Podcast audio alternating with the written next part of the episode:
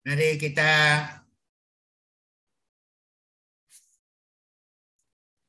dengan sungguh membaca kebenaran firman Tuhan. Kejadian pasal 5 ayat 1 sampai 32. 2 3. Inilah daftar keturunan Adam pada waktu manusia itu diciptakan oleh Allah, dibuatnya lah dia menurut rupa Allah, laki-laki dan perempuan, diciptakannya mereka. Ia Allah memberkati mereka dan memberikan nama manusia kepada mereka pada waktu mereka diciptakan. Setelah Adam hidup 130 tahun, ia memperanakkan seorang laki-laki menurut rupa dan gambar Adam, lalu memberi nama Set kepadanya. Umur Adam setelah memperanakkan Set 800 tahun dan ia memperanakkan anak-anak lelaki dan perempuan. Jadi Adam mencapai umur 930 tahun. Lalu ia mati. Setelah Seth hidup 105 tahun, ia memperanakkan Enos. Dan Seth masih hidup 807 tahun setelah ia memperanakkan Enos dan ia memperanakkan anak-anak lelaki dan perempuan. Jadi Seth mencapai umur 912 tahun. Lalu ia mati. Setelah Enos hidup 90 tahun, ia memperanakkan Kenan. Dan Enos masih hidup 815 tahun. Setelah ia memperanakkan Kenan, dan ia memperanakkan anak-anak lelaki dan perempuan. Jadi Enos mencapai umur 905 tahun. Lalu ia mati. Setelah Kenan hidup 70 tahun, ia memperanakkan Mahalalel dan Kenan Kenan masih hidup 840 tahun setelah ia memperanakkan Mahalalel dan ia memperanakkan anak-anak lelaki dan perempuan. Jadi Kenan mencapai umur 910 tahun. Lalu ia mati. Setelah Mahalalel hidup 65 tahun, ia memperanakkan Yared. Dan Mahalalel masih hidup 830 tahun setelah ia memperanakkan Yared dan ia memperanakkan anak-anak lelaki dan perempuan. Jadi Mahalalel mencapai umur 895 tahun lalu ia mati. Setelah Yared hidup 162 tahun, ia memperanakkan Henoch dan Yared masih hidup 800 tahun setelah ia memperanakkan Henoch dan ia memperanakkan anak-anak lelaki dan perempuan. Jadi Yared mencapai umur 962 tahun. Lalu ia mati. Setelah Henoch hidup 65 tahun, ia memperanakkan Metusala. Dan Henoch hidup bergaul dengan Allah selama 300 tahun lagi setelah ia memperanakkan Metu Salah. Dan ia memperanakkan anak-anak lelaki dan perempuan. Jadi Henoh mencapai umur 365 tahun dan Henoh hidup bergaul dengan Allah. Lalu ia tidak ada lagi sebab ia telah diangkat oleh Allah. Setelah Metusala hidup 187 tahun, ia memperanakkan Lamek dan Metusala masih hidup 782 tahun. Setelah ia memperanakkan Lamek dan ia memperanakkan anak-anak lelaki dan perempuan. Jadi Metusala mencapai umur 969 tahun. Lalu ia mati. Setelah Lamek hidup 182 tahun, ia memperanakkan seorang anak laki-laki dan memberi nama Nuh. Kepadanya, katanya, anak ini akan memberi kepada kita penghiburan dalam pekerjaan kita yang penuh susah payah di tanah yang telah terkutuk oleh Tuhan. Dan Lamek masih hidup 595 tahun setelah ia memperanakkan Nuh dan ia memperanakkan anak-anak lelaki dan perempuan. Jadi Lamek mencapai umur 777 tahun. Lalu ia mati. Setelah Nuh berumur 500 tahun, ia memperanakkan Sem, Ham, dan Yafet. Amin. Mari kita berdoa. Ya Tuhan Roh Kudus yang mulia yang sangat mengasihi kami, Tuhan kekuatan, kepercayaan, dan kebanggaan kami, Tuhan penolong dan Tuhan penghibur kami, Tuhan kebenaran dan Tuhan sahabat kami. Ya tolonglah kami anak-anakmu ya Tuhan, hari ini kau limpahkan pewahyuhan dan hikmat kemampuan dari surga turun atas kami anak-anakmu dan jamah hati anak-anakmu, lembutkan hati anak-anakmu sehingga menjadi hati yang baik hati yang siap ditabur oleh kebenaran firman Tuhan, siap bertumbuh dan berbuah-buah di dalam kebenaran firman Tuhan. Ya Tuhan mampukan hambamu, kuatkan hambamu, terutama layakkan hambamu Tuhan. Layakkan hambamu untuk menyampaikan kebenaran firmanmu pada pagi hari ini. Tuhan berkaryalah, karena hanya kepadamu kami bergantung dan berharap Tuhan Roh Kudus yang mulia. Dengan iman kami percaya doa-doa kami telah kau dengar dan telah kau kabulkan. Kami sungguh bangga dan mengucap syukur dan berterima kasih kepadamu Tuhan Roh Kudus yang mulia. Di dalam nama Tuhan Yesus. Haleluya. Amin. Beri kemuliaan bagi Tuhan. Haleluya. Haleluya. Haleluya. Haleluya. Saudara, pada waktu pertama, masih pertama-tama manusia diciptakan, umur manusia rata-rata sekitar 900 tahun. Dan yang terakhir menjadi 777 tahun. Dan di sini ada yang mencapai 365 tahun tapi tidak meninggal, yaitu Henoch diangkat hidup-hidup oleh Tuhan. Dan di sini ada disebut yang bernama Nuh, yaitu anak penghiburan.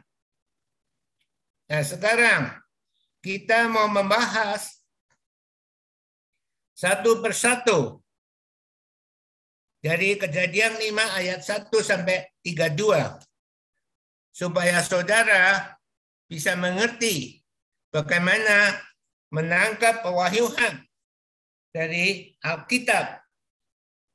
Dan saudara diberi fondasi yang kuat untuk mengerti tentang hal itu. Mari kita lihat ayat ke-1. Inilah daftar keturunan Adam. Jadi ini adalah daftar keturunan Adam. Pada waktu manusia itu diciptakan oleh Allah, dibuatnya lah dia menurut rupa Allah. Jadi di sini Tuhan tidak menciptakan lagi. Tetapi Tuhan hanya memberi perincian ya tentang keturunan Adam. Dan dibuatnya lah dia menurut rupa Allah, laki-laki dan perempuan diciptakannya mereka. Ia Allah memberkati mereka dan memberikan nama manusia kepada mereka pada waktu mereka diciptakan. Jadi manusia adalah Tuhan yang memberi nama manusia. Jadi Adam sebetulnya namanya adalah manusia. Tapi akhirnya bisa menjadi Adam, ya. Ya, itu perlu diteliti lagi. Setelah Adam hidup 130 tahun, ia memperanakkan seorang laki-laki menurut rupa dan gambarnya. Nya di sini kecil, yaitu bukan gambar seperti Tuhan, tetapi menurut gambar Adam, lalu memberi nama Set kepadanya. Dan kita sudah belajar di kejadian 4, kejadian 3, ya. Kita tahu bahwa Adam mempunyai anak yang pertama adalah Kain yang dicatat di Alkitab.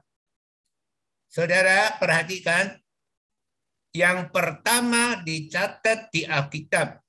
Tapi Kain bukan anak pertama. Ya. Jadi saudara harus mengerti tentang itu. Tetapi yang dicatat oleh Alkitab. Dan sampai Habel, Habel juga dicatat di dalam Alkitab.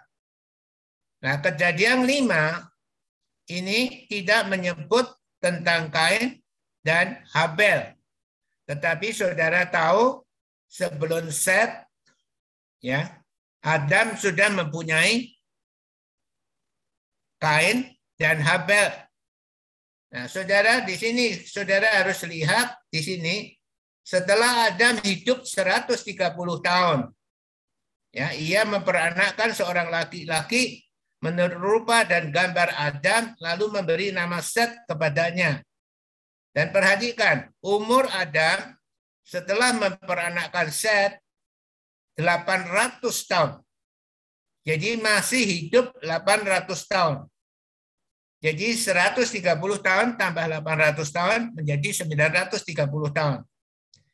Dan perhatikan, dan Adam memperanakkan anak laki-laki dan perempuan. Jadi Adam mencapai umur 930 tahun, lalu ia mati.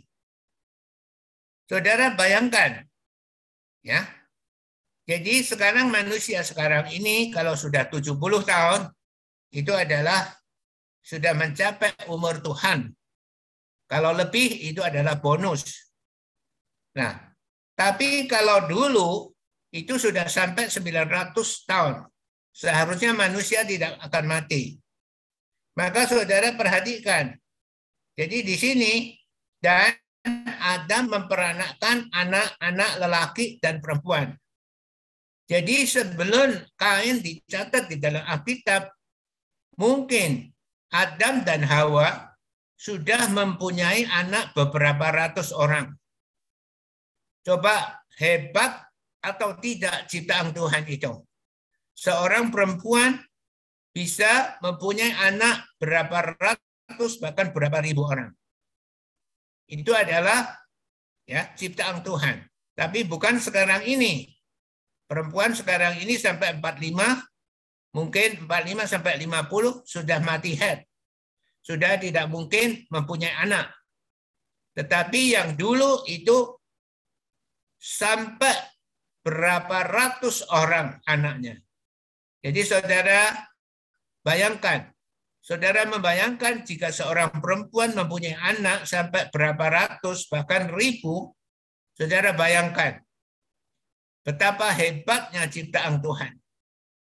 Sekarang punya anak sepuluh, itu sudah tidak ada. Mempunyai anak empat, itu sudah banyak. Rata-rata mempunyai anak satu atau dua. Empat saja sudah banyak. Enam itu banyak sekali. Kalau 10 itu banyak sekali. Kalau dulu itu ratusan.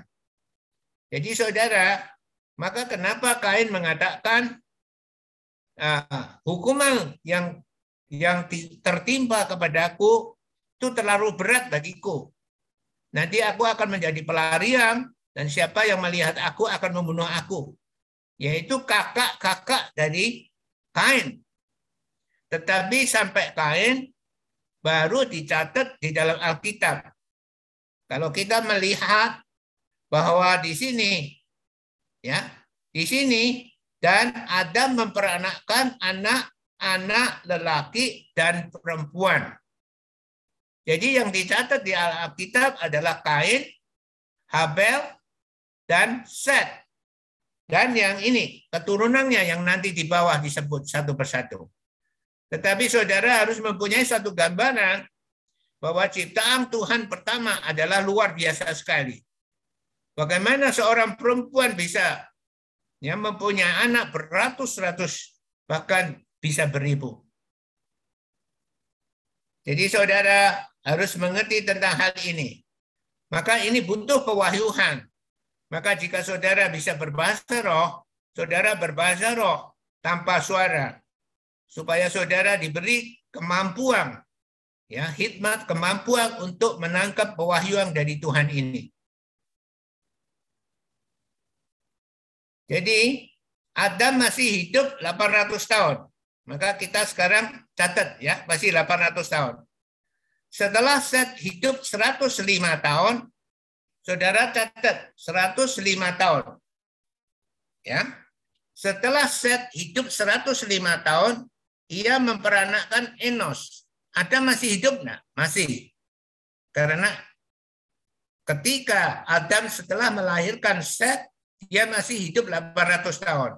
Nah, sekarang Set hidup 105 tahun. Setelah 105 tahun, Set memperanakkan Enos. Berarti Adam tahu ada Enos. Dan Set masih hidup 807 tahun.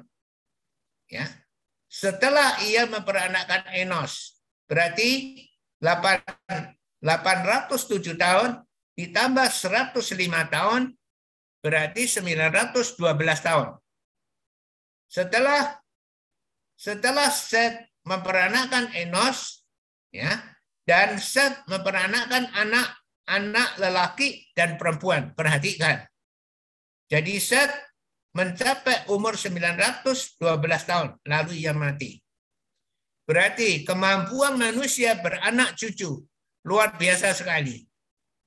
Jadi di kejadian itu disebut bahwa ketika Enos ya ketika Set melahirkan Enos dari mulai Enos itulah ya manusia mulai menyebut nama Tuhan. Andakah amin? Saudara telah belajar sebelumnya. Jadi pada waktu Enos lahir, pada waktu itulah ya manusia mulai menyebut nama Tuhan. Berarti mereka dekat kepada Tuhan.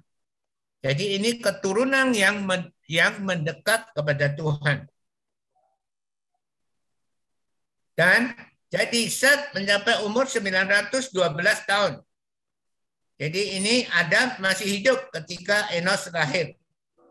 Nah, sekarang perhatikan, setelah Enos hidup 90 tahun, Adam masih hidup sekarang. Ya, karena dia hidup 800 tahun. 800 tahun dipotong 105 tahun. Sekarang setelah Enos hidup 90 tahun, dipotong 90 tahun lagi. Ia memperanakkan Kenan. Nah, ini Adam tahu ada Kenan. Dan Enos masih hidup 815 tahun setelah ia memperanakkan Kenan dan ia memperanakkan anak-anak lelaki dan perempuan. Coba ini adalah kekuatan Tuhan. Ya, setiap perempuan waktu itu ratusan, ratusan bahkan ribuan ya anak. Satu perempuan loh saudara. Ya, amin. Kekuatan Tuhan luar biasa. Jadi Enos mencapai umur 905 tahun lalu ia mati. Ya. Jadi ini Adam masih hidup. Setelah Kenan hidup 70 tahun, ia memperanakan Mahalalel. Ini Adam masih hidup karena dia setelah melahirkan Set ya 130 tahun dia masih hidup 800 tahun. Tadi dipotong 105 ya, dipotong ya yang tadi 105 tahun ya 100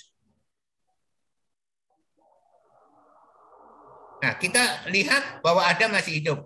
Setelah Kenan hidup 70 tahun, ia memperanakkan Mahalalel. dan Kenan masih hidup 840 tahun. Setelah ia memperanakkan Mahalalel dan ia memperanakkan anak-anak lelaki dan perempuan. Berarti ini anak cucunya banyak, cicitnya banyak sekali. Ya. Jadi Kenan mencapai umur 910 tahun. Lalu ia mati. Nah, setelah Mahalalel hidup 65 tahun, ia memperanakkan Yared. Ini ada masih ada loh. Jadi Yared ada masih bisa melihat Yared. Ini yang keberapa ini? Cucu, cicit, ya, cicit buyut. Ya. Jadi Mahalalel mencapai umur ia mem, dan Mahalalel masih hidup 830 tahun setelah ia memperanakkan Yared dan ia memperanakkan anak-anak lelaki dan perempuan.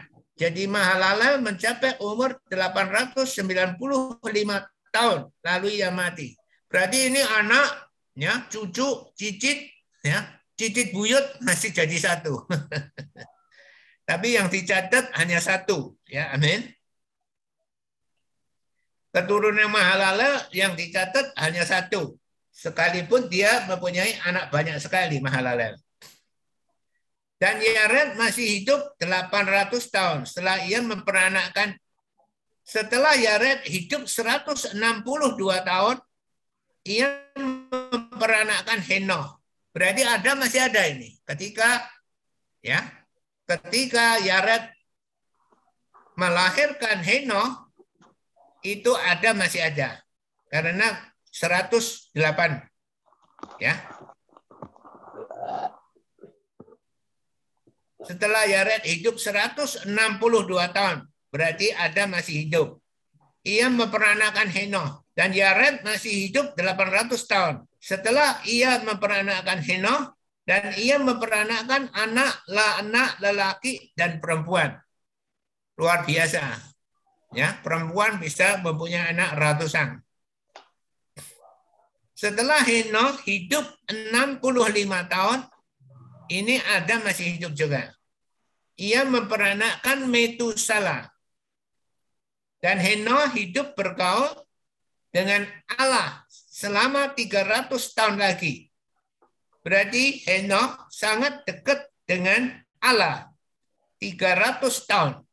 Setelah ia memperanakkan Metusala, dan ia memperanakkan anak-anak lelaki dan perempuan. Jadi yang dicatat hanya Metusala. Jadi Hena mencapai umur 365 tahun. Coba 365 hari adalah satu tahun. Ini Tuhan memberi Hena ya sampai 365 tahun. Dan Henoh hidup bergaul dengan Allah, lalu ia tidak ada lagi. Ia tidak ada lagi sebab ia telah diangkat oleh Allah. Setelah manusia jatuh dosa, ya, hanya Henoh ini yang hidup hidup diangkat oleh Allah. Ya, ini adalah mendekat kepada Tuhan hasilnya seperti ini. Ya, keturunannya diangkat hidup-hidup ya oleh Allah di surga. Dan ada masih hidup ini, saudara. Setelah Metusalah hidup 187 tahun, ia memperanakkan Lamek. Nah, sampai di sini Adam sudah meninggal. Jadi dia belum ketemu Lamek, tapi Adam sudah meninggal karena dia hanya hidup 800 tahun setelah melahirkan Set. Nanti saudara hitung sendiri satu persatu, ya pakai kalkulator. Kemarin Pastor sudah hitung dengan kalkulator. Dan Metusala masih hidup. Ya, setelah Metusala hidup 187 tahun, ia memperanakkan Lamek. Nah, ini Adam sudah mati. Dan Metusala masih hidup 772 tahun. Setelah ia memperanakkan Lamek. Dan ia memperanakkan anak-anak lelaki dan perempuan. Coba luar biasa. Semuanya mempunyai ratusan anak. Jadi jadi Metusala mencapai umur 969 tahun. Lalu ia mati. Ini yang melahirkan Henoh Metusala. Ya.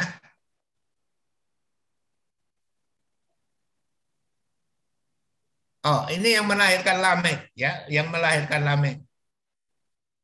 Jadi umurnya 969 tahun. Ini yang paling paling panjang umurnya. Ya, Metusala. Setelah Lamek hidup 182 tahun, ini Adam sudah tidak ada. Ia memperanakkan seorang anak laki laki-laki dan memberi nama Nuh. Ya, anaknya Lamek bernama Nuh. Ya, anaknya Lamek yang tidak bergantung kepada Tuhan yang kita belajar sebelumnya itu mempunyai nama Henok. Dan kota membangun kota namanya dinamakan kota nama anaknya Henok. Jadi ada Lamek di sini ya. Ini Lamek yang lain. Ini Lamek keturunan Set. Dan Lamek masih hidup 595 tahun. Setelah ia memperanakkan Nuh. Ya, di sini dan setelah Lamek hidup 182 tahun, ia memperanakkan seorang anak laki-laki dan memberi nama Nuh kepada Nuh kata Lamek anak ini akan memberi kepada kita penghiburan. Jadi arti Nuh adalah anak ini akan memberi kepada kita penghiburan dalam pekerjaan kita yang penuh susah payah di tanah yang telah terkutuk oleh Tuhan. Itu artinya Nuh. Ya, dan Lamek masih hidup 595 tahun setelah ia memperanakkan Nuh. Dan ia memperanakkan anak-anak lelaki dan perempuan. Jadi Nuh itu banyak saudaranya. Tetapi yang dicatat adalah Nuh.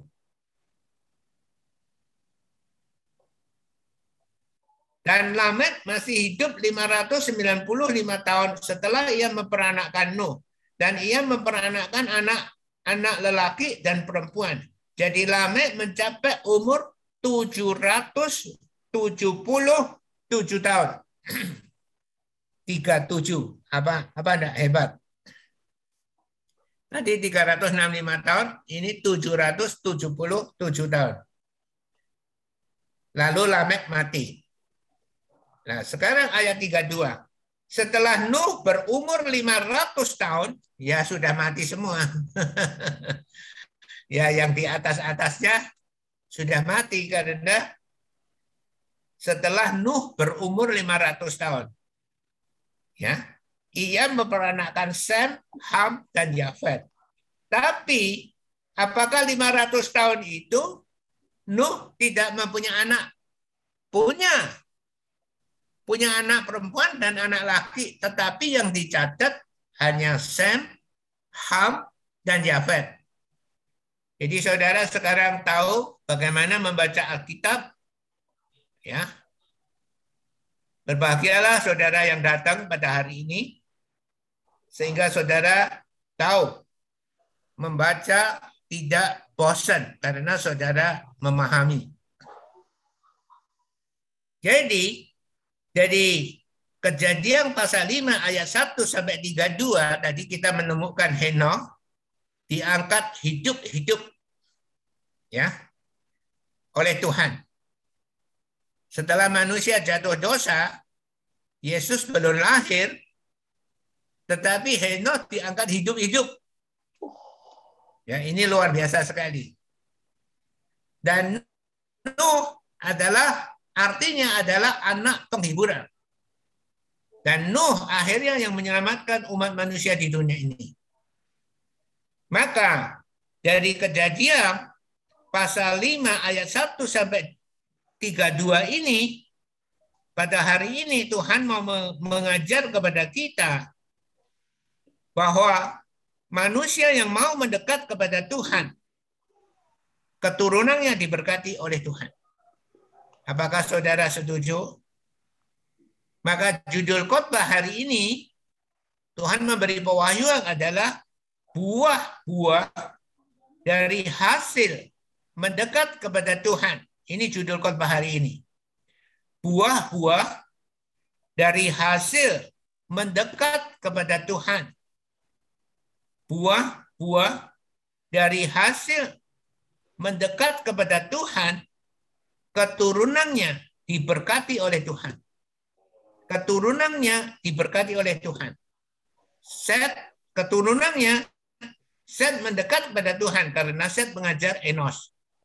Nah, pada Enos itulah ketika lahir Enos pada waktu itulah orang mulai memanggil nama Tuhan. Dan sampai Henok, Henok diangkat sampai Nuh Nuh adalah anak penghiburan. Dan akhirnya Nuh menyelamatkan umat manusia di dunia ini. Kalau enggak, semuanya sudah lenyap. Hanya Nuh, istri, tiga anak laki, tadi Ham, Sem, Ham, dan Yafet. Dan tiga istri mereka. Delapan orang yang diselamatkan. Jadi, saudara setuju bahwa dari perikop kejadian pasal 5 ayat 1 sampai 32 itu Tuhan memberi kita pewahyuan supaya kita mempunyai satu kerangka pikiran di dalam kerangka pikiran kita buah-buah dari hasil mendekat kepada Tuhan. Jadi saudara harus pasang kerangka di kerangka pikiran saudara. Buah-buah dari hasil mendekat kepada Tuhan, keturunannya diberkati oleh Tuhan. Maka jika saudara lebih mendekat kepada Tuhan, percaya keturunan saudara akan diberkati oleh Tuhan.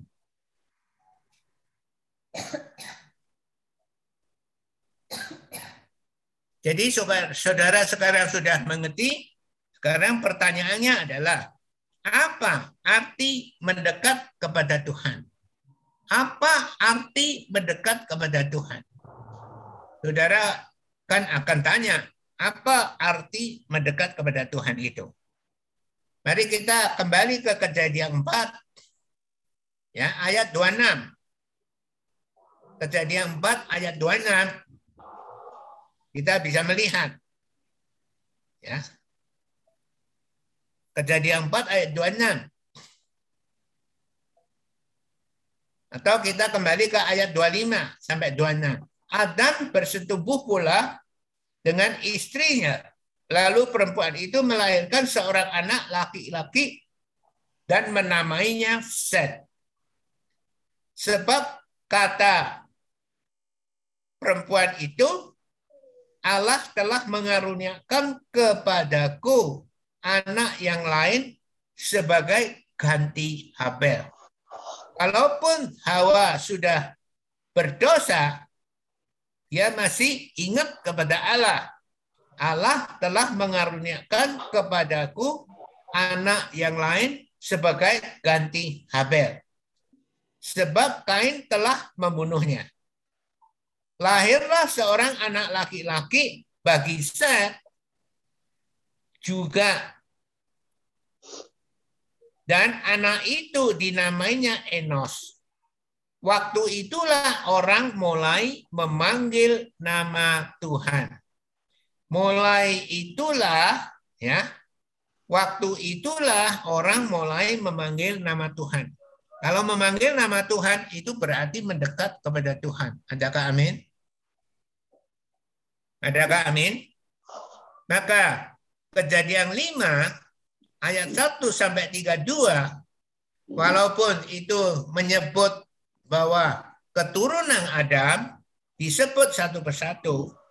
Tapi dari kejadian 5 ayat 1 sampai 32 kita bisa mengambil satu kesimpulan buah-buah dari hasil mendekat kepada Tuhan keturunannya diberkati oleh Tuhan. Nah, sekarang kita belajar bagaimana Nah, apa arti mendekat kepada Tuhan itu? Ya, kita kembalikan ke kejadian 4 ayat 25 sampai 26. Ya, mulai waktu itulah orang mulai memanggil nama Tuhan. Ya, pada waktu itu itu yang dinamakan mendekat kepada Tuhan. Sebelumnya mereka belum memanggil nama Tuhan. Kain, keturunan Kain tidak ada yang memanggil nama Tuhan. Tetapi Habel tidak punya keturunan karena dibunuh. Baru Tuhan menggantikan ya dengan Set sebagai ganti anaknya Habel yang dibunuh. Sekarang ini adalah prinsip Tuhan. Mendekat kepada Tuhan itu hasilnya keturunannya diberkati oleh Tuhan. Ini adalah satu prinsip. Saudara tahu prinsip umpama ya di dalam uh, 10 firman yaitu hukum Taurat. Jangan membunuh. Jangan mencuri. Jangan berzina. Itu adalah prinsip. Saudara tahu prinsip yang tidak bisa dilanggar. Ya. Jangan membunuh, jangan berzina, jangan mencuri. Sekalipun itu adalah perjanjian lama, tetapi prinsip itu hidup selama-lamanya sampai zaman besok yang akan datang pun jangan mencuri itu adalah prinsip. Jadi saudara, ketika saudara membaca Alkitab, belajar Alkitab, saudara harus mengerti apa arti prinsip itu. Jangan saudara mengatakan bahwa itu adalah perjanjian lama. Maka itu tidak berlaku pada perjanjian baru. Saudara salah di sini. Ya, amin. Saya jelaskan kepada saudara. Perjanjian lama itu melalui hukum Taurat. Kalau orang yang mau memenuhi hukum Taurat akan diselamatkan. Karena hukum Taurat itu adalah standar Tuhan. Itu adalah kebenaran Tuhan. Siapa yang mau Mau dan tidak mampu itu beda, saudara. Mau tapi tidak mampu. Yang mau itu masuk surga. Karena dia punya iman pada hukum Taurat pada waktu itu. Tetapi tidak mampu, itu tetap masuk surga. Karena dia mau, cuma tidak mampu. Tapi kalau tidak mau, itu berarti tidak bisa masuk surga. Jadi saudara harus membedakan mau tetapi tidak mampu, itu masuk surga. Tetapi yang tidak mau sebenarnya mampu, dia tidak akan masuk surga. Jadi saudara, perjanjian lama atau perjanjian baru, semuanya sama. Diselamatkan oleh iman. Diselamatkan oleh percaya mereka. Pada perjanjian lama, Yesus belum dilahirkan. Tetapi yang percaya kepada firman Tuhan, kepada hukum Taurat, yang mau tapi tidak mampu masuk surga. Karena dia mau. Yang tidak mau sebenarnya mampu. Itu tidak mungkin masuk surga. Nah, saudara jangan ngantuk. Jadi ini adalah teologi supaya saudara mengerti. Nah, tadi Pastor menyebut tentang prinsip. Jangan mencuri.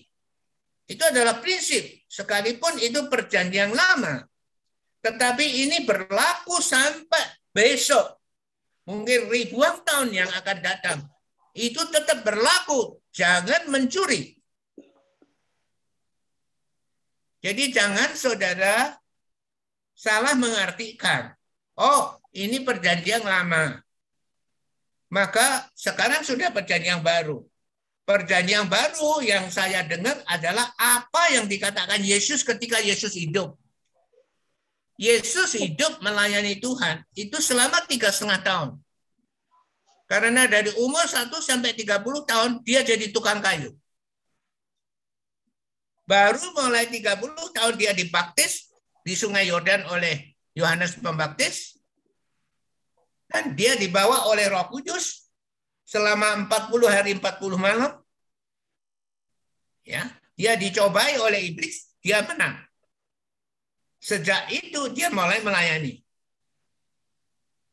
Jadi saudara harus mengerti. Jadi Yesus itu melayani tiga setengah tahun. Jadi kita tidak bisa mengatakan karena kita hidup di dalam perjanjian baru, maka yang kita dengar adalah ketika Yesus hidup. Apa yang dikatakan Yesus ketika hidup, itulah yang kita taati. Tetapi perjanjian lama itu kita tidak tidak perlu menepati. Itu adalah pengetahuan yang sangat salah, saudara. Ya, amin. Kenapa salah?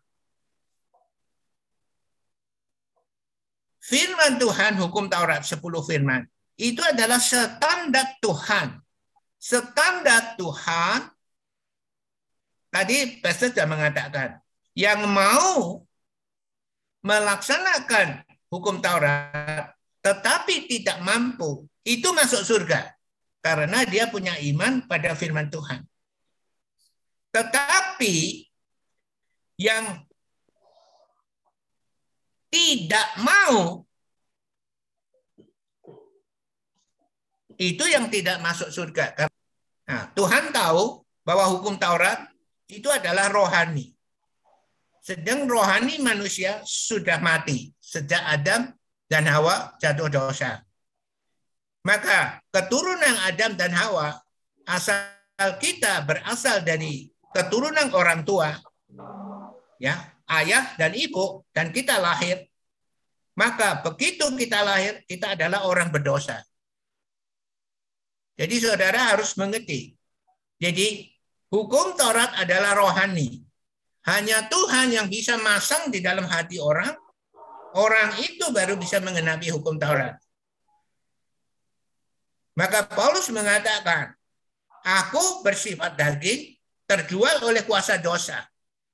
Bahkan di ayat 25, Roma 7 ayat 25 dia mengatakan, celakalah aku. Siapa yang bisa menolong aku dari tubuh dosa ini? Syukur kepada Allah diberi Yesus sebagai Kristus dan Tuhan. Jadi perjanjian baru itu Tuhan mengerti bahwa manusia tidak bisa memenuhi hukum Taurat, maka dia harus memberikan anaknya. Sebenarnya Yesus itu adalah Allah itu sendiri yang menjelma menjadi manusia. Supaya dia yang menebus dosa umat manusia. Jadi itulah perbedaan hukum. Itulah perbedaan perjanjian lama dan perjanjian baru. Perbedaannya hanya di sini. Mampu dan tidak mampu. Nah, Tuhan tahu perjanjian lama tidak mampu menolong manusia. Maka Tuhan ganti perjanjian baru. Maka dia harus menjelma menjadi manusia. Dan untuk menolong manusia. Tetapi prinsip di firman perjanjian lama, hukum Taurat itu adalah standar Tuhan. Jadi itu tidak bisa diabaikan bahwa itu perjanjian lama. Saya hanya percaya kepada apa yang Yesus waktu hidup Yesus katakan. Jika saudara seperti itu, saudara tidak mengerti Alkitab. Saudara mengerti amin? Nah, nanti kalau saudara bingung boleh tanya. Jadi saudara sekali lagi kita disamakan oleh iman. Pada zaman perjanjian lama ada hukum Taurat. Siapa yang mau memenuhi hukum Taurat, tapi tidak mampu, dia tetap masuk surga. Tetapi orang yang tidak mau, itu tidak beriman, maka dia masuk neraka. Jadi saudara, jangan, oh aku cuma ingat pada Yesus. Saudara, kita sekarang belajar perjanjian lama. Kita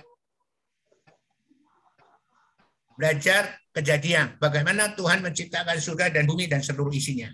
Bagaimana Adam dan Hawa pada waktu itu. Bagaimana keturunannya. Jadi hari ini kita mendapatkan prinsip di dalam kejadian pasal 5 ayat 1 sampai 32 itu bahwa pada waktu Enos itu waktu itulah orang mulai memanggil Tuhan. Mereka mendekat pada Tuhan. Dan pada keturunannya Henoh, Henoh diangkat hidup-hidup oleh Tuhan. Dan pada keturunannya terus sampai Nuh, Nuh adalah anak penghiburan.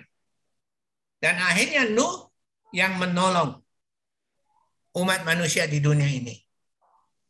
Kalau enggak, semua mati kena air bah. Jadi saudara, maka kita mendapatkan satu prinsip, ya, sekalipun ini dalam perjanjian lama, saudara harus mengerti buah-buah dari hasil mendekat kepada Tuhan, keturunannya diberkati oleh Tuhan. Ini prinsip, tapi diambil dari perjanjian lama.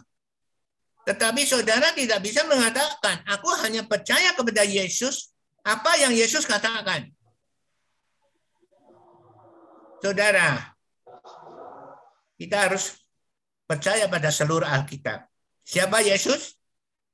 Yesus adalah firman yang telah menjadi manusia. Sebelum Yesus menjadi manusia, dia adalah firman. Maka seluruh Alkitab itu adalah Yesus. Kita tidak bisa memisahkan itu perjanjian lama. Saya tidak percaya. Saya hanya percaya pada perjanjian baru. Kalau tidak ada perjanjian lama, kita tidak bisa menghargai perjanjian baru. Saudara, ini adalah penting sekali. Maka prinsip yang dari perjanjian lama, yaitu buah-buah dari hasil mendekat kepada Tuhan, keturunannya diberkati oleh Tuhan, itu saudara harus percaya. Ya. Dan bagaimana apa arti mendekat kepada Tuhan? Yaitu ketika Seth melahirkan Enos, pada waktu itulah orang boleh memanggil Tuhan. Itu sudah mendekat kepada Tuhan. Itu bukti. Nah sekarang prinsip ini, ini kita dapat dari perjanjian lama. Kita sedang membaca perjanjian lama. Bagaimana prinsip kebenaran ini bisa diterapkan di dalam kehidupan kita yang sudah melewati berapa ribu tahun. Adam sampai sekarang hampir 6.000 tahun. Bagaimana diterapkan setelah 6.000 tahun? Hampir 6.000 tahun ini. Maka pertanyaannya, bagaimana dengan kita? Kita ini apa arti mendekat kepada Tuhan?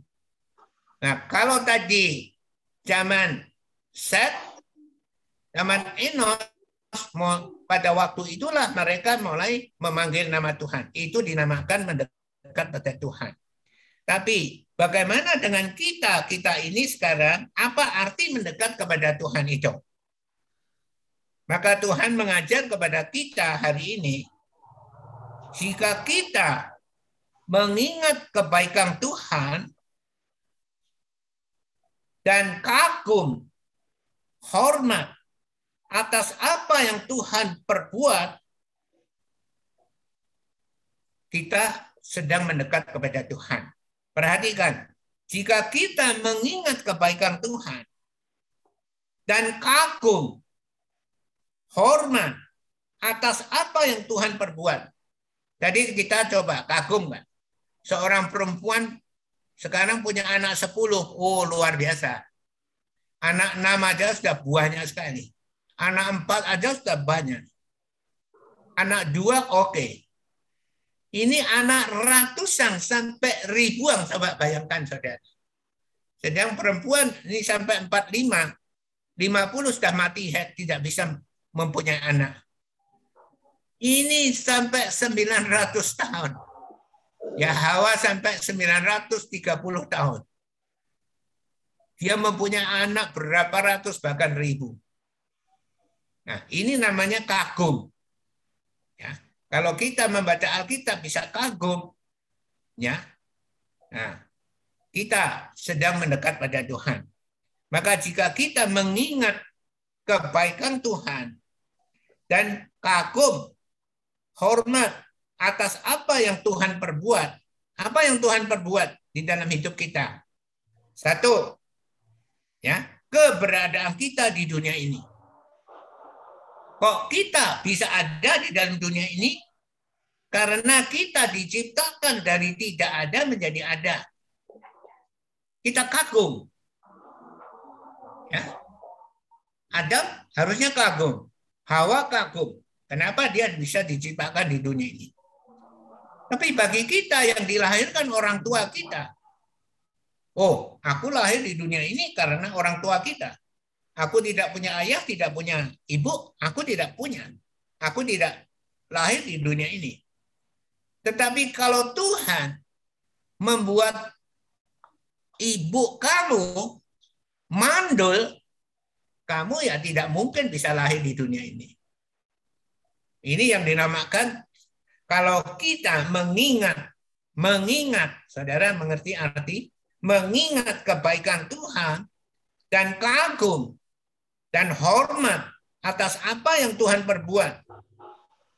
Ya, keberadaan kita di dunia ini. Andai kata saudara berada di dunia ini, kebetulan saudara cantik sekali. Harusnya saudara lebih mengasihi Tuhan. Adakah amin? Sekalipun saudara hidungnya aja tidak mancung, sedikit pesek-pesek, saudara pun harus hormat dan kagum kepada Tuhan. Karena tidak ada orang di dunia ini yang sama dengan saudara. Sekalipun pesek tapi tidak ada di dunia ini yang seperti saudara. Kembar pun tidak ada yang sama pluk. Kembar pun ada perbedaannya, saudara. Jadi saudara, saudara mengerti? Jadi kalau saudara mengingat kebaikan Tuhan, kalau saudara kagum dan hormat atas apa yang Tuhan perbuat, atas keberadaan kita di dunia ini, terus kita tahu bahwa kita di dunia ini sudah berdosa, ya, kalau kita mau merenungkan dosa kita, kita akan tahu berapa orang yang kita marahi, berapa orang yang kita caci maki, berapa orang yang kita iri hati, Ya, berapa orang yang membuat kita panas hati? Coba saudara pikirkan. Ya, itu adalah dosa. Satu titik dosa tidak bisa masuk ke surga. Nah, sekarang kita dapat anugerah keselamatan.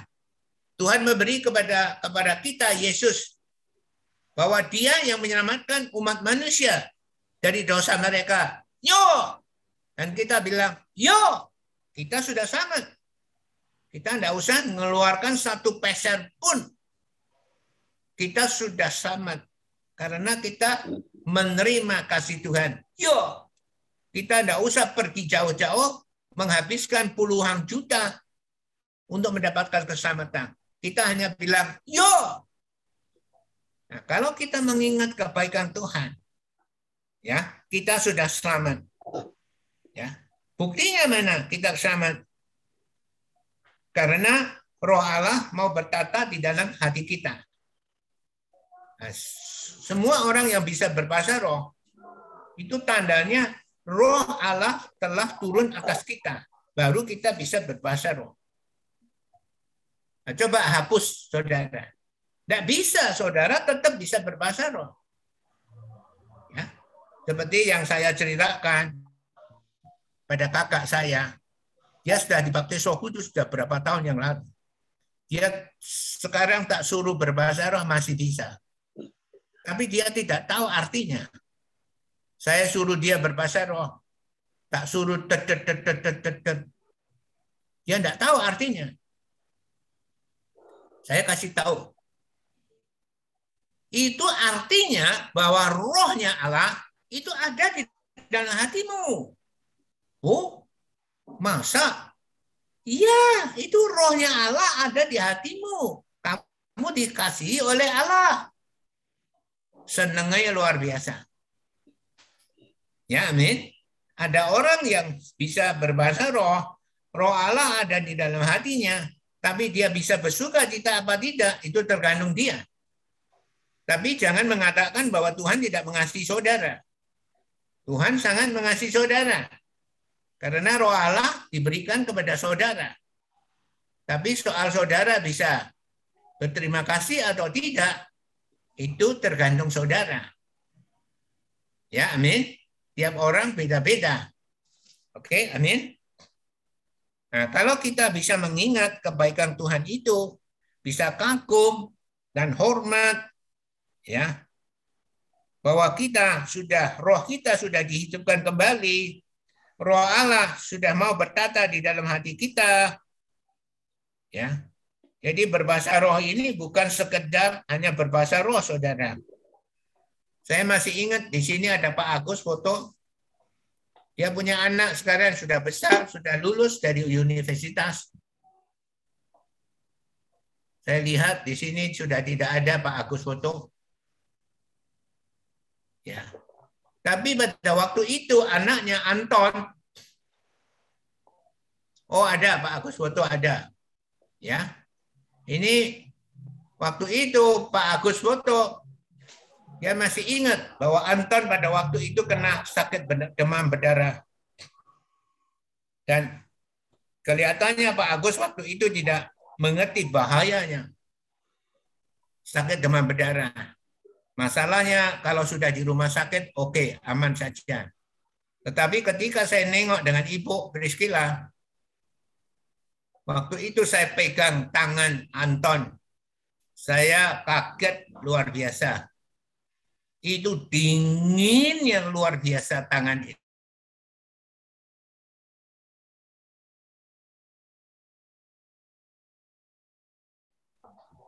Sangat bahaya sekali.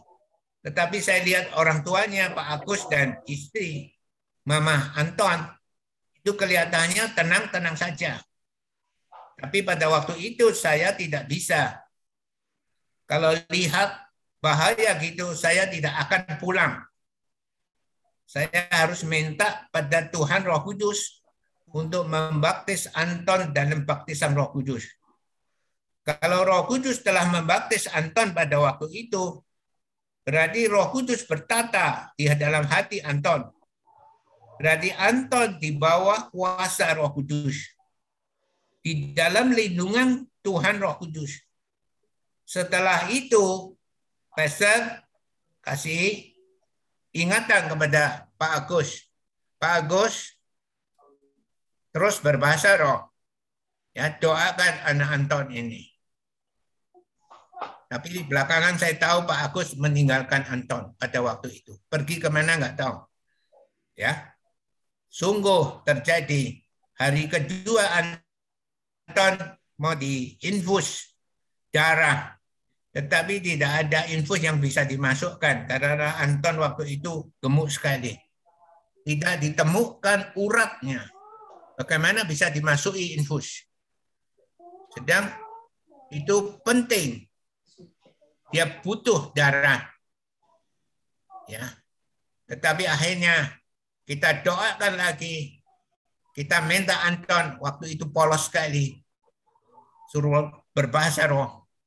Dan dia mau. Akhirnya susternya bisa memasang jarum. Dan akhirnya Anton bisa ya diinfus darah. Dan Anton sekarang hidup masih kuat luar biasa lulus universitas. Jadi saudara, roh Allah bertata di dalam hati orang itu bukan sekedar berbahasa roh. Bukan. Tetapi itu tandanya roh Allah mengasihi kita, memberi kekuatan, perlindungan kepada kita. Itu buktinya hidupnya Anton masih sehat sampai sekarang ini. Itu jasanya dari Tuhan Roh Kudus. Jika kita bisa mengingat kebaikan Tuhan dan kagum dan hormat atas kebaikan Tuhan, nah, kita sedang mendekat kepada Tuhan. Itu artinya mendekat kepada Tuhan. Dan terus bukan itu saja, Tuhan memberi kita pemahaman, yaitu tentang Matius 7 ayat 21 sampai 23 bahwa ini dijelaskan dengan jelas bahwa siapa yang masuk ke surga. Dan kita bisa mengetahui tentang hal ini. Bukan setiap orang yang berseru kepadaku Tuhan, Tuhan akan masuk dalam kerajaan surga. Melainkan dia yang melakukan kehendak Bapa yang di surga. Melainkan dia yang melakukan kehendak Bapa yang di surga. Nah, kita bisa memahami kebenaran firman Tuhan ini. Dan akhirnya kita tahu apa yang maksudnya. Melainkan dia yang melakukan kehendak Bapa yang di surga. Yaitu kita memahami, yaitu apa yang dikatakan anaknya Yesus itu yang kita jalani. Apa kata Yesus? Yaitu pergilah jadikanlah semua bangsa muridku. Jadi bukanlah jadikanlah semua bangsa pemercayaku, tetapi jadikanlah semua bangsa muridku. Murid harus diajar. Harus diajar.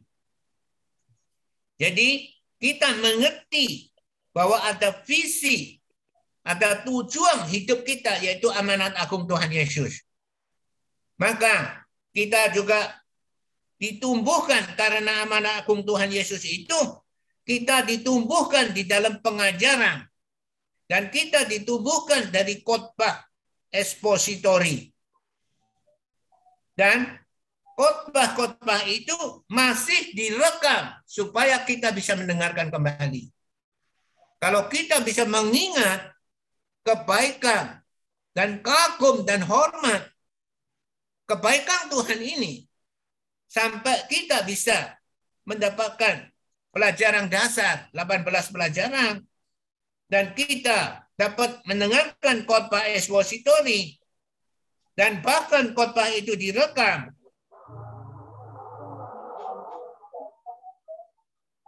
Dan kalau kita bisa mengingat dan kagum atas itu semuanya itu artinya kita sedang mendekat kepada Tuhan Saudara, banyak orang salah paham. Memenuhi amanah agung Tuhan Yesus itu adalah kita harus ya menjadikan semua bangsa murid yaitu visi tujuan ya tetapi belum tentu kita punya kemampuan kemampuan baptislah mereka dalam nama Bapa dan Anak dan Roh Kudus belum tentu kita punya kemampuan itu. Belum tentu kita punya kemampuan untuk mengajar.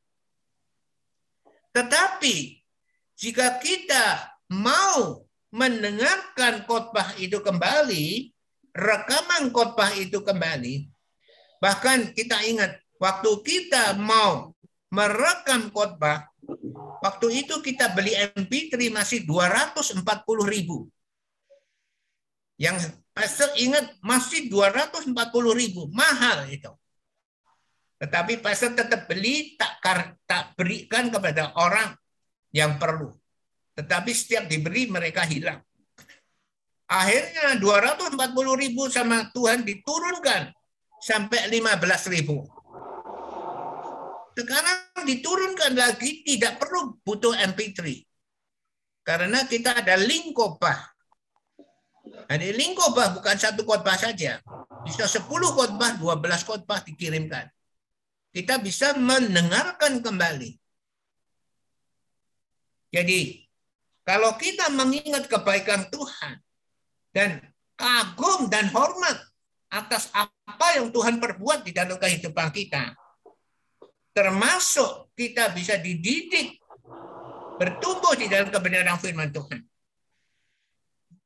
Itu namanya mendekat kepada Tuhan. Jadi saudara, memang kita suruh pergi jadikan semua bangsa murid. Tapi bagaimana kita bisa memuridkan orang kalau kita tidak memuridkan diri sendiri? Bagaimana kita bisa memuridkan diri sendiri kalau kita mau mendengarkan khotbah kembali? Mau mendengarkan pengajaran kembali? Jadi kita mau tapi tidak mampu. Tuhan mengatakan kamu layak masuk ke surga.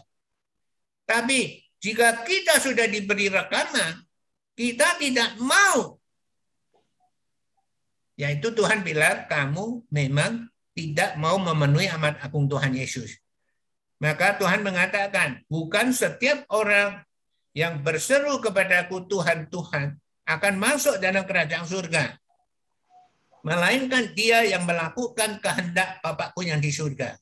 Apa kehendak Bapak di surga? Dengarkanlah anakku. Aku berkenan kepadanya. Siapa anaknya? Yesus. Apa kata Yesus? Pergilah, jadikanlah semua bangsa muridku. Jadi saudara, jangan mengatas, jangan mempunyai alasan, aku tidak mampu. Maka aku tidak perlu mendengarkan khotbah kembali. Kalau saudara mau mendengarkan khotbah kembali dan pengajaran kembali, berarti saudara siap untuk memenuhi amanat agung Tuhan Yesus. Kalau saudara tidak mampu tapi mau, saudara sudah masuk memenuhi amanat agung Tuhan Yesus. Saudara diselamatkan. Tetapi jika saudara adalah anak-anak mahasiswa yang telah lulus, apalagi lulus secara kunlot, dan saudara mau dipakai oleh Tuhan dan mau membangun dari satu orang menjadi dua orang, menjadi tiga orang, saudara sedang membangun gereja lokal. Jadi saudara jangan mengatakan membangun gereja itu harus 10 orang, ada 50 orang, 100 orang, tidak. Sekarang pastor sedang membangun sebuah gereja lokal di Singapura. Tetapi jemaatnya baru satu, saudara. Baru satu. Ya, seorang bos yang kehilangan suami, tetapi yang rindu diselamatkan, yang rindu dimuridkan. Kalau saudara telah mendapatkan 18 pelajaran, dia juga sudah mendapatkan. Kalau saudara sedang mendengarkan khotbah kejadian, dia juga sedang mendengarkan khotbah kejadian. Sekalipun satu orang. Tapi dari satu orang itu akan menjadi dua orang.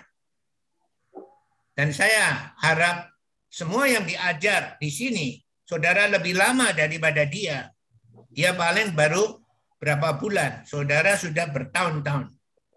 Kalau saudara mau berterima kasih kepada Tuhan, mengingat kebaikan Tuhan, kagum dan hormat kepada Tuhan atas apa yang telah terjadi di dalam hidup saudara, maka saudara mau dipakai oleh Tuhan.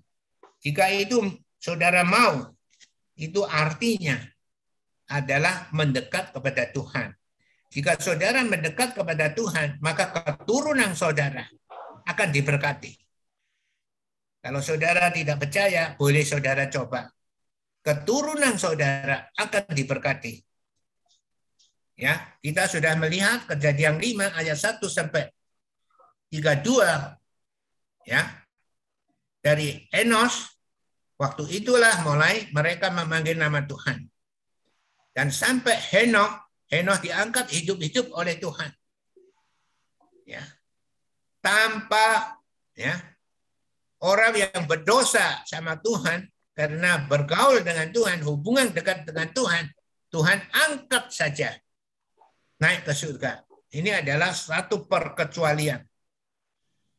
Dan sampai Nuh, Nuh bisa menolong seluruh umat manusia di dunia ini. Kalau tidak ada Nuh, tidak ada kita sekarang ini. Jadi inilah buah-buah dari hasil mendekat kepada Tuhan, keturunannya diberkati oleh Tuhan. Maka kerangka pikiran ini harus ada di dalam kerangka pikiran kita.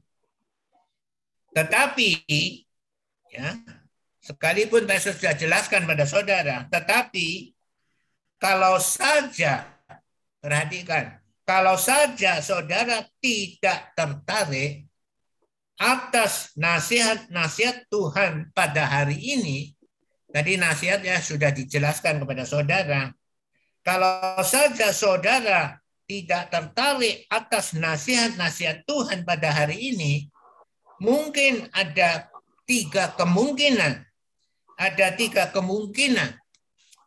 Kemungkinan yang pertama adalah karena saudara tidak paham pentingnya khotbah khotbah ekspositori dan pengajaran-pengajaran yang benar itu. Itu alasan pertama karena saudara mungkin tidak paham pentingnya khotbah-khotbah ekspositori dan pengajaran-pengajaran yang benar itu. Tadi Pastor sudah mengatakan tidak mung, tidak semua orang bisa mampu memuridkan orang. Tetapi jika saudara mau mendengarkan khotbah ekspositori kembali dan pengajaran-pengajaran yang benar kembali, saudara itu mau memenuhi amanat agung Tuhan Yesus. Tetapi belum tentu mampu, tapi mau. Tuhan akan menganggap iman saudara adalah iman kebenaran. Maka saudara tidak akan ya terganggu di Matius 7 ayat 21. Saudara adalah termasuk melainkan dia yang melakukan kehendak Bapakku yang di surga. Yang saudara termasuk itu. Maka saudara akan masuk ke surga. Jika saudara tidak paham, sekarang dipahamkan. Ya, Mungkin saudara tidak paham pentingnya khotbah ekspositori. Dan khotbah ekspositori itu untuk membangun saudara ketika saudara membaca Alkitab sendiri, saudara mempunyai fondasi yang kuat bagaimana aku memanggil mengambil pewahyuan dari satu perikop firman Tuhan. Tadi setelah saudara dijelaskan bahwa kelihatannya di sini disebut di sini Adam setelah memperanakkan Seth 800 tahun dan ia memperanakkan anak laki-laki dan perempuan. Kalau saudara membaca sendiri, saudara akan mengerti hanya bahwa memperanakkan anak laki-laki dan perempuan. Tetapi pastor tadi menjelaskan anak laki-laki dan perempuan itu bisa beratus-ratus orang, bahkan beribu-ribu orang. Tetapi sampai ya Sampai pada set itu baru dicatat. Nah, kita bisa kagum sama Tuhan. Bagaimana seorang perempuan bisa melahirkan beratus-ratus orang, bahkan ribuan orang. Karena umur mereka sampai 900 tahun. Sedang perempuan sekarang hanya sampai 45 sampai 50 itu sudah mati head.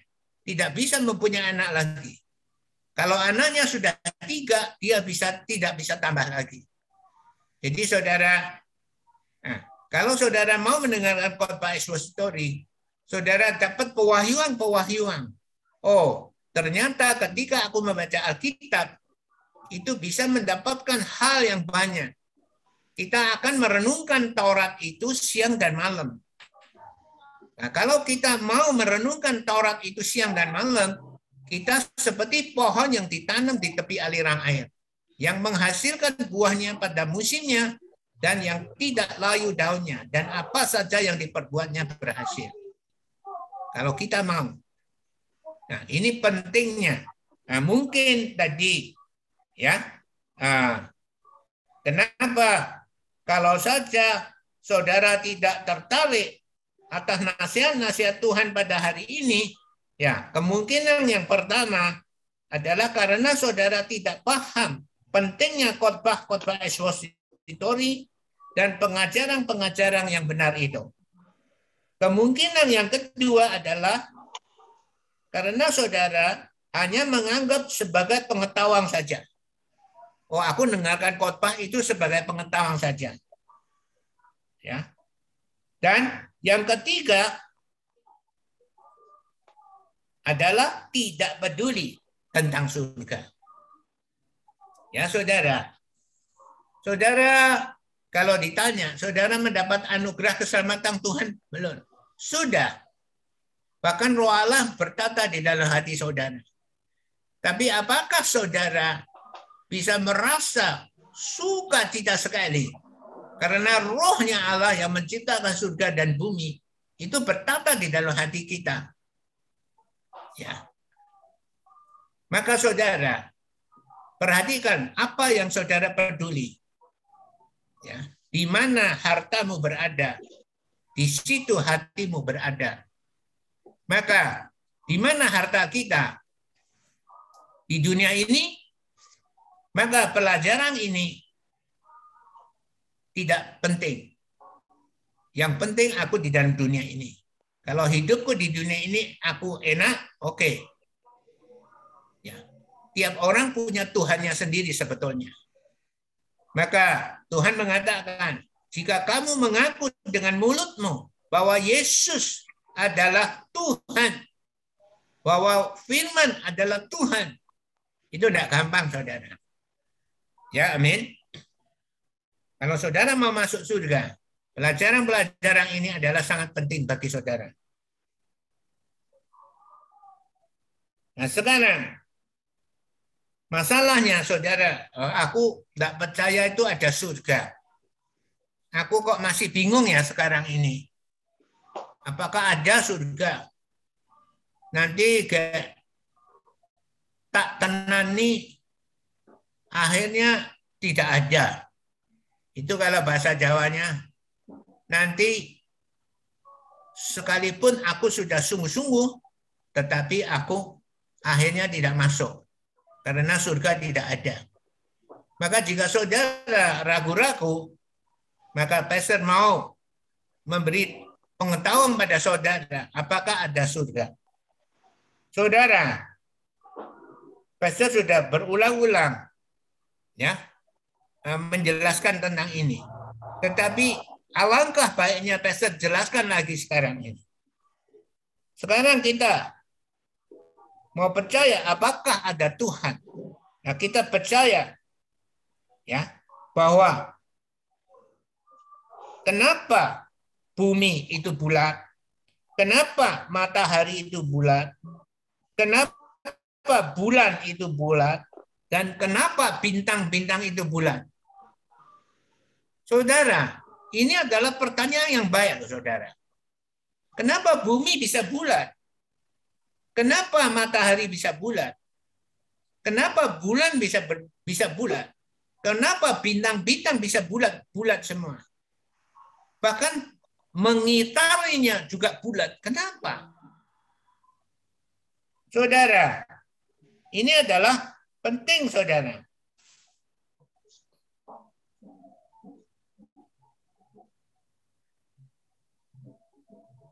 Kalau saudara berpikir seperti itu, Oh iya, kenapa ya? Kok bumi bulat? Kenapa ya kok bulan-bulan? Kenapa ya matahari bulat? Kenapa bintang-bintang ya bulat? Kenapa muternya bulat? Kok sangat teratur sekali? Kenapa?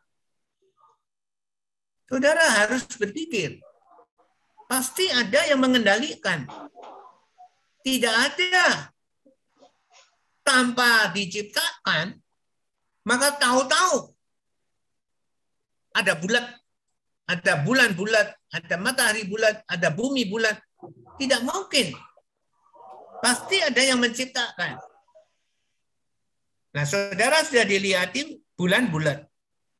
Nah, kita sudah dilihati bumi bulat. Ketika dari pesawat angkasa memfoto bumi, bumi kita bulat. Nah, jadi saudara, dari situ saudara harus yakin. Ya. Kalau saudara sudah bisa berbahasa roh, saudara renungkan ketika sebelum saudara bisa berbahasa roh, apakah saudara bisa menggerakkan lidah saudara secara secara tanpa saudara berpikir tidak bisa. Tetapi setelah ber, saudara Roh Kudus turun atas saudara, saudara bisa berbahasa roh. Saudara baru bisa membedakan. Sebelumnya saudara belum bisa, setelahnya saudara berbisa, sudah bisa. Maka saudara harus percaya bahwa itu nyata, itu ada. Jadi saudara, di sini adalah penting. Dan kita juga sudah lihat bahwa manusia sudah ke bulan. Pertama di bulan yang di depan yang kita lihat itu. Bulan tetap di situ terus. Karena ada mengitar, mengitari bumi terus. Jadi yang kita lihat adalah bulan yang di depannya. Tapi bulan di belakangnya kita tidak tahu. Tetapi baru sang manusia pergi ke bulannya, ke belakang bulan yang kita tidak lihat selama ini. Ternyata di sana tidak ada air. Dan manusia sudah capek mencapai ke Mars, bintang Mars, yaitu eh, apa adik adik dari bumi. Kalau istilah ilmiah itu adalah adik bumi. Di sana juga tidak menemukan air. Jadi kita bisa mengerti. Alkitab mengatakan apa? Kita lihat kejadian satu Ya, kita lihat kejadian satu ayat 6 sampai 10.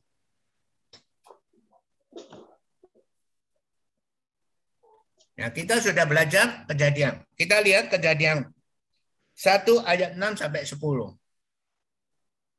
Berfirmanlah Allah, jadilah cakrawala di tengah segala air untuk memisahkan air dari air.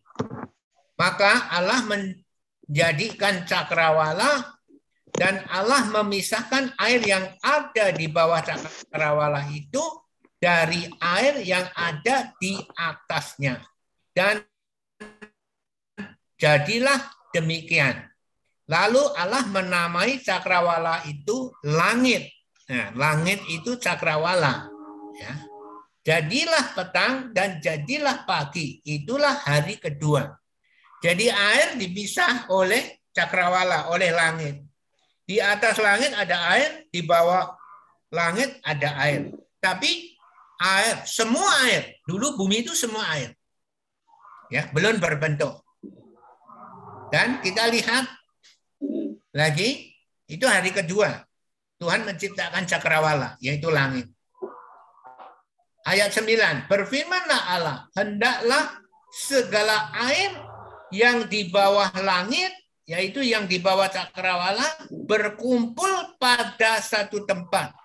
Berkumpul pada satu tempat, sehingga kelihatan yang kering. Dan jadilah demikian. Nah, waktu itu Tuhan membentuk bumi bulat. Dan di dalam bentuk bumi yang bulat itu banyak cekung-cekungan, banyak yang tidak cekung. Nah, air yang di bawah cakrawala itu mengumpul di bumi semua. Di dalam cekungan-cekungan. Saudara dikira lang, laut itu berapa? Itu puluhan ribu meter, saudara, dalamnya. Nah, baru kelihatan yang kering, yaitu darat. Nah, waktu itu Tuhan membentuk bumi. Bumi bulat. Setelah bumi jadi, kita baru tahu. Maka di bintang-bintang tidak akan ada air.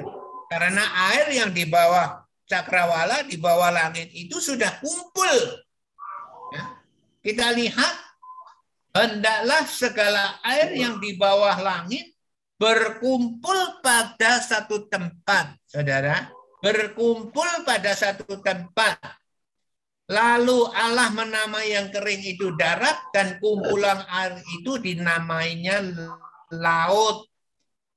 Jadi saudara, semua air yang di bawah cakrawala sudah dikumpulkan di laut dan di sungai-sungai. Maka tidak ada lagi. Nah, setelah itu Tuhan menumbuhkan tumbuh-tumbuhan. Itu hari ketiga.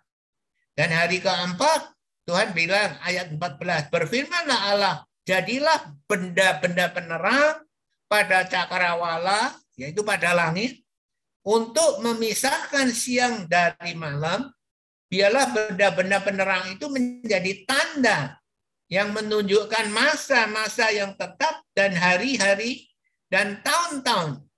Dan sebagai penerang pada cakrawala, biarlah benda-benda itu menerangi bumi. Dan jadilah demikian. Maka Allah menjadikan kedua benda penerang yang besar itu. Ya ini yang lebih besar untuk menguasai siang dan yang lebih kecil untuk menguasai malam. Dan menjadikan juga bintang-bintang. Nah, maka sekarang bulan tidak mungkin ada air. Ya, itu setelah air dikumpulkan di laut, baru Tuhan menciptakan benda penerang, yaitu matahari, bulan, bintang-bintang. Maka bentuknya mereka sama dengan bumi, karena bumi bulat. Jadi bukan bumi mencontoh matahari, tetapi matahari dan bulan itu mencontoh bumi bulat. Dan bintang-bintang itu mencontoh bumi bulat. Nah, supaya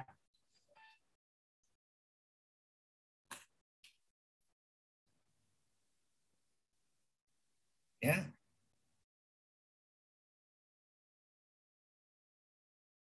supaya saudara ya mengerti bahwa dari kitab kejadian itu kita bisa mengerti bahwa Tuhan itu ada.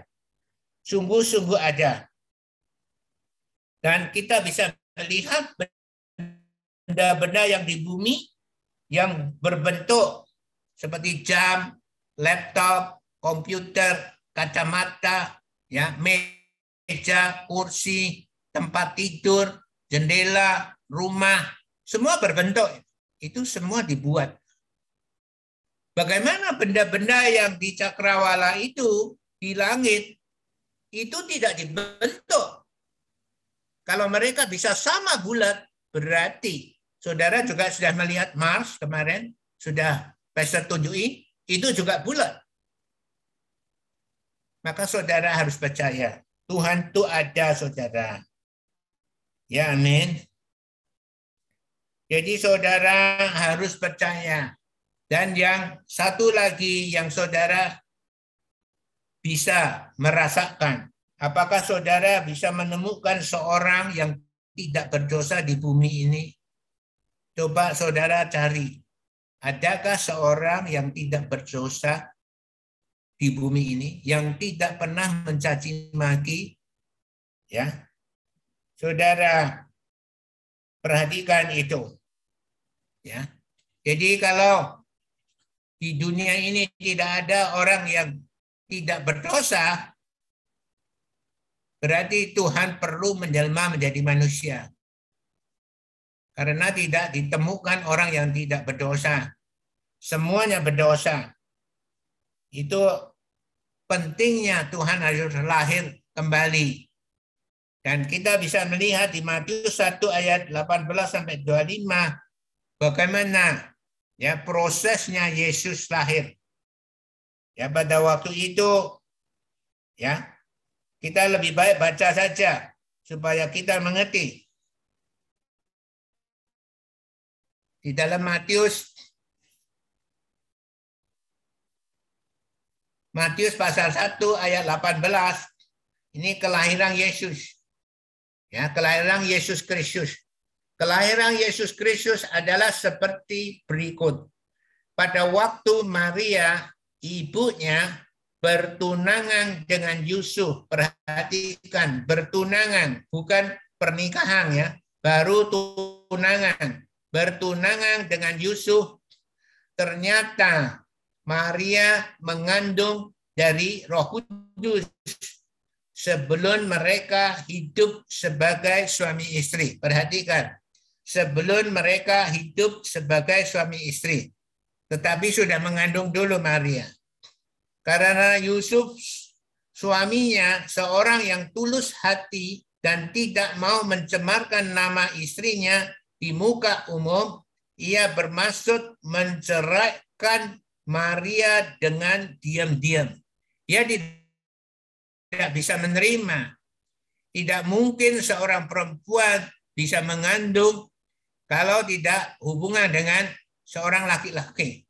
Jadi sekalipun Yusuf Yusuf adalah seorang yang tulus hati dan tidak mau mencemarkan nama istrinya di muka umum, maka ia bermaksud menceraikannya dengan diam-diam.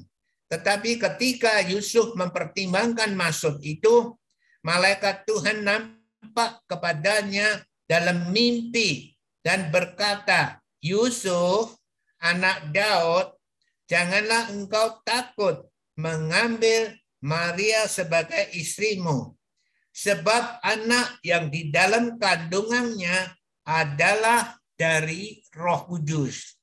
Jadi Maria mengandung bukan karena laki-laki, tetapi Maria mengandung karena dikandung oleh Roh Kudus. Ya, Saudara. Ia, yaitu Maria akan melahirkan anak laki-laki dan engkau akan menamakan dia Yesus. Karena dialah yang akan menyelamatkan umatnya dari dosa mereka. Ini anak yang akan dilahirkan mempunyai tugas. Dialah yang akan menyelamatkan umatnya dari dosa mereka. Maka kelahiran Yesus itu adalah kelahiran yang kudus.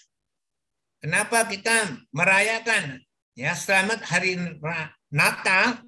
Yaitu karena kelahiran yang kudus itu yang dapat menyelamatkan umat manusia di dunia ini. Tapi kalau Yesus lahir karena ulah orang tua dan lahir, maka Yesus adalah orang yang berdosa karena Adam dan Hawa telah jatuh dalam dosa. Tetapi kelahiran Yesus dibuat oleh Tuhan, dia dikandung oleh Roh Kudus. Dan anak yang dilahirkan mempunyai tugas untuk menyelamatkan dosa umat manusia. Dan kita lihat sampai ayat 24 sampai 25. Sesudah bangun dari tidurnya, Yusuf berbuat seperti yang diperintahkan malaikat Tuhan itu kepadanya. Ia mengambil Maria sebagai istrinya. Dia tidak takut lagi. Tetapi tidak bersetubuh dengan dia, yaitu Maria, sampai ia Maria melahirkan anaknya laki-laki dan Yusuf menamakan dia Yesus. Jadi Yesus lahir itu tanpa campur tangan manusia. Kalau Maria bisa benar-benar ya tidak ada orang yang tahu dan dilindungi, dia tetap akan melahirkan Yesus sekalipun tidak ada Yusuf. Saudara mengerti? Jadi di sini disebut sampai ia melahirkan anaknya laki-laki. Bahwa Yusuf sebagai suami dari Maria itu dia, betul. Dan apakah Yusuf dan Maria mempunyai anak? Ya. Di dalam Matius 13 di dalam Matius 13 ayat 53 dan seterusnya. Kita mulai dari ayat 54. Setibanya di tempat asalnya, Yesus mengajar orang-orang di situ di rumah ibadat mereka. Maka takjublah mereka dan berkata, dari mana diperolehnya hikmat itu dan kuasa untuk mengadakan mujizat-mujizat itu bukankah ia Yesus ini anak tukang kayu bukankah ibunya bernama Maria dan saudara-saudaranya Yakobus, Yusuf, Simon dan Yudas dan bukankah saudara-saudaranya perempuan jadi saudaranya perempuan bukan satu, paling sedikit dua.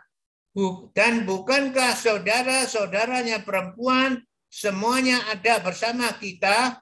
Jadi dari mana diperolehnya semuanya itu? Lalu mereka kecewa dan menolak dia. Maka Yesus berkata kepada mereka, seorang nabi dihormati di mana-mana kecuali di tempat asalnya sendiri dan di rumahnya. Jadi saudara, kelahiran Yesus itu jelas sekali ya tidak ada hubungannya dengan Yusuf. Tetapi apakah Yusuf dan Maria punya anak-anak? Ya, empat anak laki-laki, paling sedikit dua anak perempuan. Jadi itu membuktikan bahwa kalau kita menemuk, tidak menemukan manusia yang tidak berdosa di dunia ini, maka kita harus percaya kelahiran Yesus yang kudus itu ya dikandung oleh Roh Kudus itu yang akan menyelamatkan kita. Maka Yesus mempunyai tugas, dialah yang akan menyelamatkan umat manusia dari dosa mereka. Maka kalau kita benar-benar mengerti itu, kita harus percaya bahwa Tuhan itu ada. Ya, kalau kita tidak ditebus, tidak mungkin kita bisa kudus.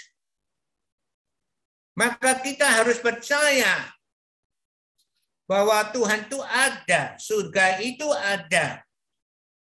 Maka kalau saudara mengerti itu, maka saudara akan peduli dengan nasihat-nasihat pada pagi hari ini. Yaitu buah-buah dari hasil mendekat kepada Tuhan.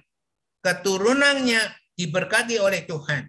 Saudara mau menaruh prinsip ini di dalam kerangka pikiran saudara supaya saudara punya prinsip kebenaran firman Tuhan di dalam kerangka pikiran saudara. Maka saudara akan hidup mendekat pada Tuhan.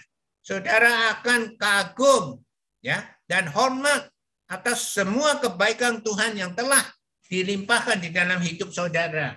Jika itu adalah saudara, saudara sedang mendekat Tuhan.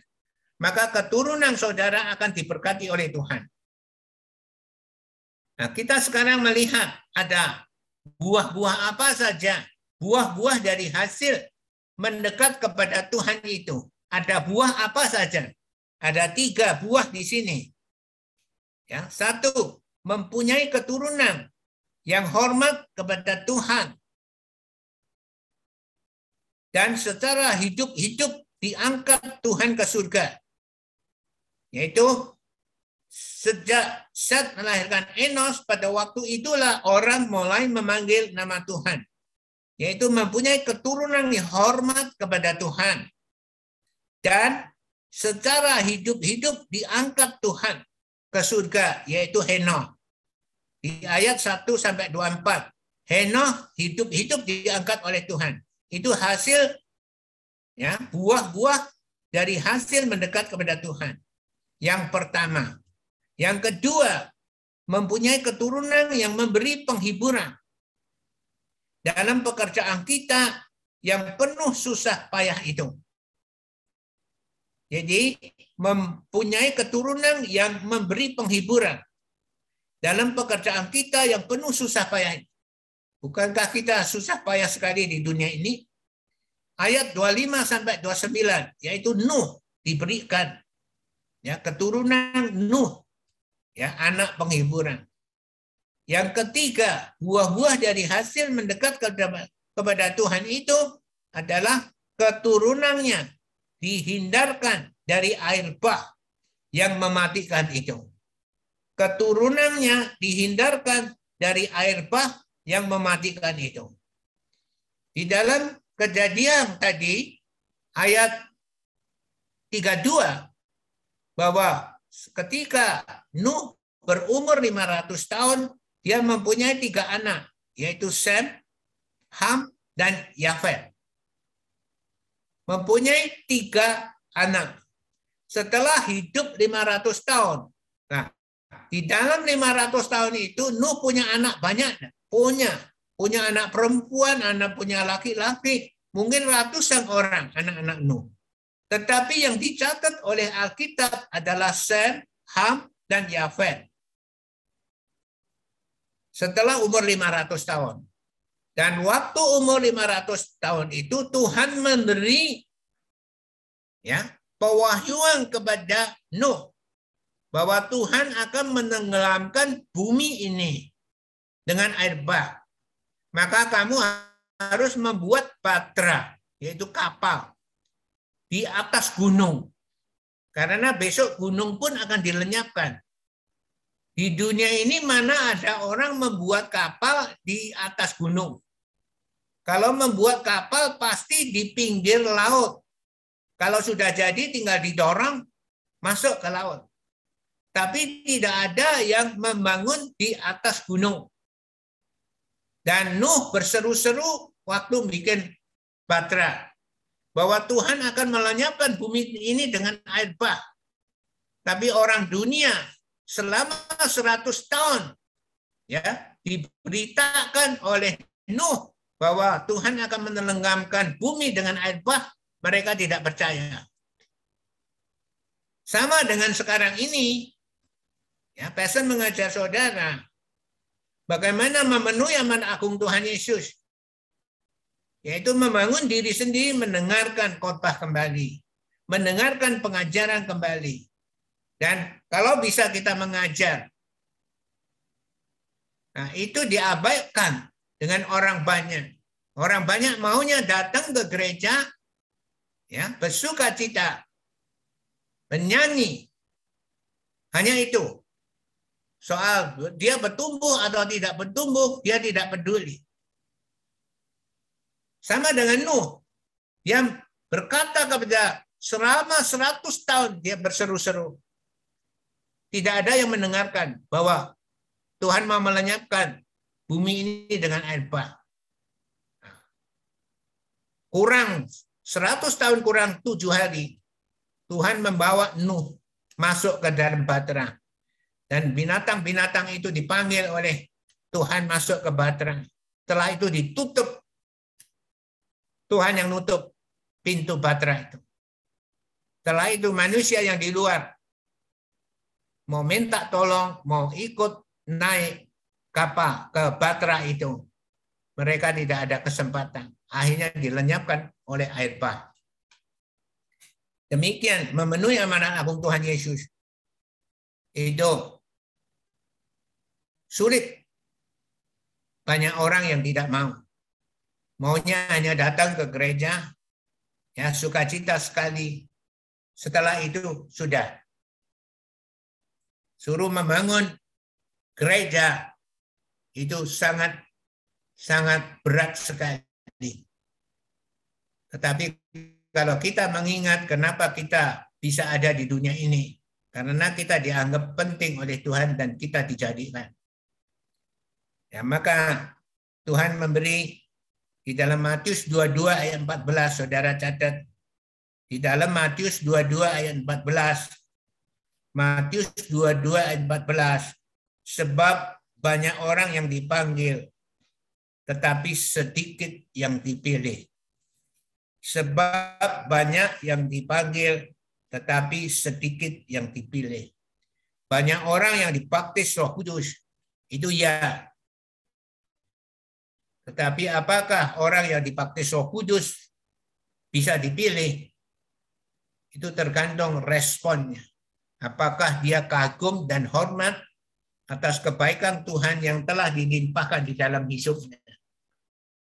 Kalau dia bisa kagum dan hormat atas kebaikan Tuhan yang telah dilimpahkan di dalam hidupnya, dia akan respon.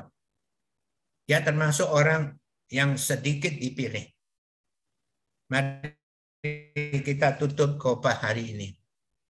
Ya Tuhan Roh Kudus yang mulia, kami sungguh bangga dan mengucap syukur kau memberi kami waktu, kesempatan, dan kekuatan untuk mendengarkan kebenaran firman Tuhan yang ditaburkan pada pagi hari ini.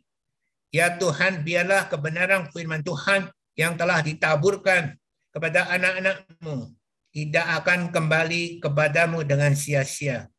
Tetapi ia akan melaksanakan apa yang kau kehendaki dan akan berhasil dalam apa yang kau suruhkan kepadanya. Dengan iman kami percaya kebenaran firman-Mu Yesaya 55 ayat 11.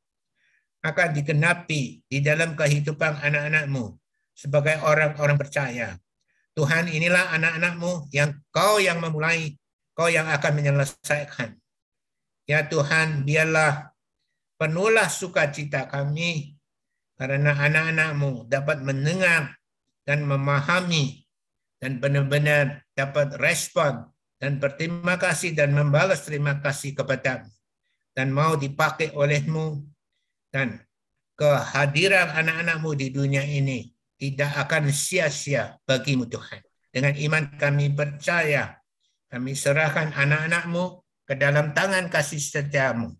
Di dalam nama Tuhan Yesus Kristus yang kami kasih. Kami sungguh telah berdoa dan mengucap syukur dan bangga Tuhan Roh Kudus yang mulia. Haleluya. Amin. Beri kemuliaan bagi Tuhan.